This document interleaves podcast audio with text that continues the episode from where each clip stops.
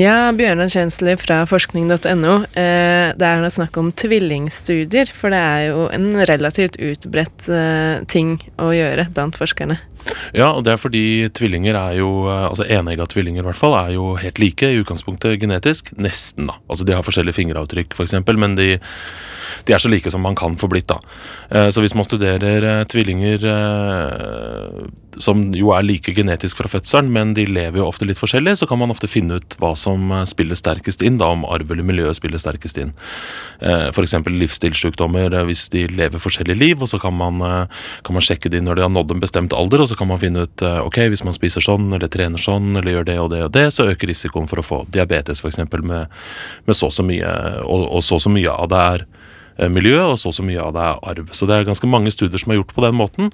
Men det blir også kritisert, da, fordi tvillinger har jo ikke bare like gener, de har jo også ofte helt likt miljø. Altså De vokser jo opp i samme hus, samme by, eh, ofte altså samme sosioøkonomiske klasse osv. Så, videre. så Så fram til de blir ungdommer og voksne, så er de jo for så vidt egentlig nesten helt like både i arv og miljø, men det er først når de liksom blir voksne da at, det, at dette her blir interessant. Men uh, ja.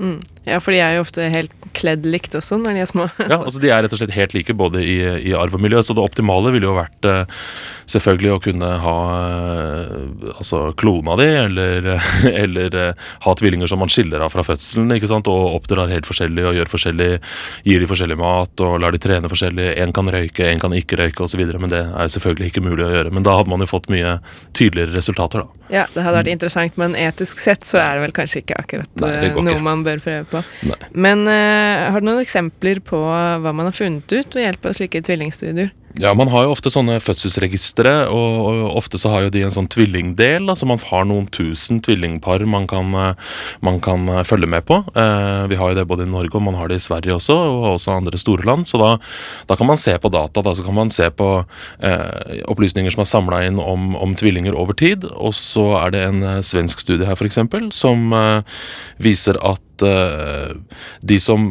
klatrer opp i sosioøkonomiske klasser, altså de som gifter seg opp i, i sosioøkonomisk klasse eller eh, får seg en god jobb og blir en annen klasse enn det foreldra dine er, de får ikke så høyt blodtrykk som de som eh, eh, fortsetter å være lenger ned på rangstigen. Da. Det har man funnet ut ved hjelp av tvillingstudier. For der har den ene tvillingen for eksempel, arbeidet seg opp til, til, øvre middelklasse, mens den andre tvillingen fortsetter å være i arbeiderklasse. Så da, da kan man sammenligne det ganske direkte. Da.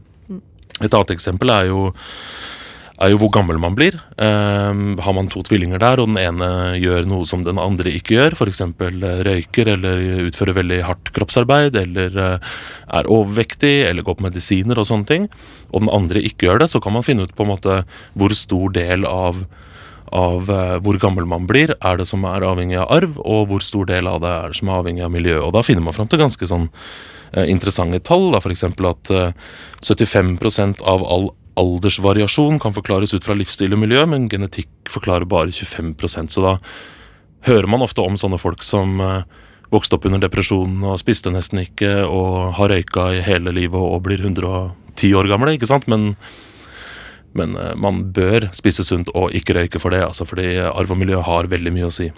Mm. Intelligens også er jo en klassiker. Der, der kan man også eh, sammenligne tvillinger ganske godt og finne ut eh, hvor mye skolegang og, og, kosthold og sånne ting har å si for intelligens, sammenligna med, med, genene.